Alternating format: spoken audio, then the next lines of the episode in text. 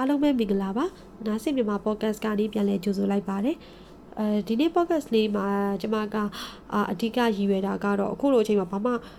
ကိုယ့်အတွက်ကိုအကျိုးရှိတာတွေမလုပ်နိုင်ဘူးစိတ်တွေလေးနေတဲ့စိတ်တွေဒါစိတ်မကောင်းဖြစ်ပြီးတော့ကိုဘာမှကိုယ့်အတွက်ကိုလုပ်နိုင်စွမ်းမရှိဘူးဆိုပြီးအားမလို့အားမရဖြစ်နေတဲ့လူငယ်လေးတွေအတွက်အဓိကရည်ရွယ်ပါတယ်အဲ့တော့ကျွန်မဒီ podcast လေးမှာနီလန်နှစ်ခုကိုမျှဝေချင်ပါတယ်ပထမတစ်ခုကကြတော့ကိုကိုကို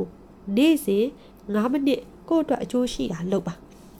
ကျမတို့တွေတစ်နေ့လုံးစိတ်လေနေလို့ရတယ်တစ်နေ့လုံးစိတ်မကောင်းဖြစ်ပြီးဘာမှမလုပ်ပဲနေလို့ရတယ်ဒါပေမဲ့တစ်နေ့ကိုကိုယ့်အတွက်ကို9မိနစ်ကိုတော့ကိုယ့်အတွက်တီးတန့်ဖယ်ပြီးကိုယ့်အတွက်အကျိုးရှိတာတစ်ခုခုလုပ်ပါ အဲဒါ9မိနစ်ဆိုပေမဲ့ကိုလုံနိုင်လုံနိုင်တဲ့လောက်ပေါ့နော်ဒါပေမဲ့အများကြီးတစ်နေ့မှလုံလိုက်ပြီးနောက်နေ့မလုံဘူးဆိုတာမျိုးကလည်းမှန်ကန်တဲ့နီလန်မဟုတ်ဘူးဒါကြောင့်မို့လို့ကိုက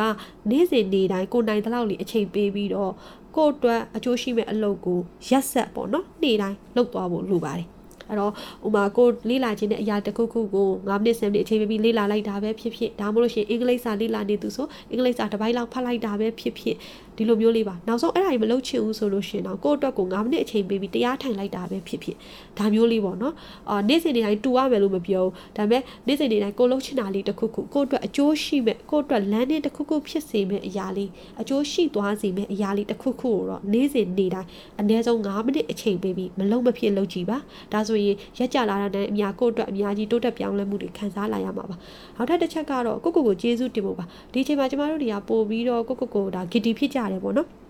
ဒီမှာ kitty ဖြစ်အောင်လည်းကျမတို့တွေအခြေအနေကြီးကိုမပြောင်းလဲနိုင်မအောင်ဒါကြောင့်မလို့ကျမတို့ကကို့မှာရှိတာလေးတွေကိုကျေးဇူးတင်ပြီးကိုကိုကိုအရင်ပြန်ပြီးတော့ကိုစိတ်ကိုကိုတိဆောက်ဖို့လိုတယ်ပေါ့နော်ဒါမလို့ကို့မှာရှိတာလေးတွေကိုကျေးဇူးတင်ပါကို့မှာရှိတဲ့အရာကသူများအတွက်ဘာမှမဟုတ်တာမျိုးဖြစ်ကောင်းဖြစ်မယ်သူများနဲ့ရှင်လိုက်ရင်ကို့မှာရှိတာလေးကဘာမှမဟုတ်ဘူးဖြစ်ကောင်းဖြစ်မယ်ဒါပေမဲ့အဲ့ဒါအရင်မကြည့်ပါကို့မှာရှိနေတာလေးကဘာမစိုး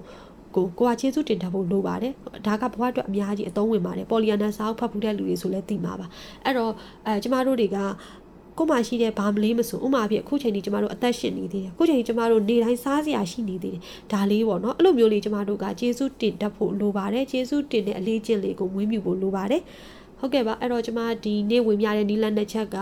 အာတခုခုအကျိုးရှိစေမယ်လို့လည်းကျမမျှော်လင့်ပါတယ်အားလုံးလည်းဘေးရန်ရကင်းကြပါစေအဆင်ပြေပါစေလို့လည်းဆုမကောင်းတောင်းလို့ပါတယ်ရှင်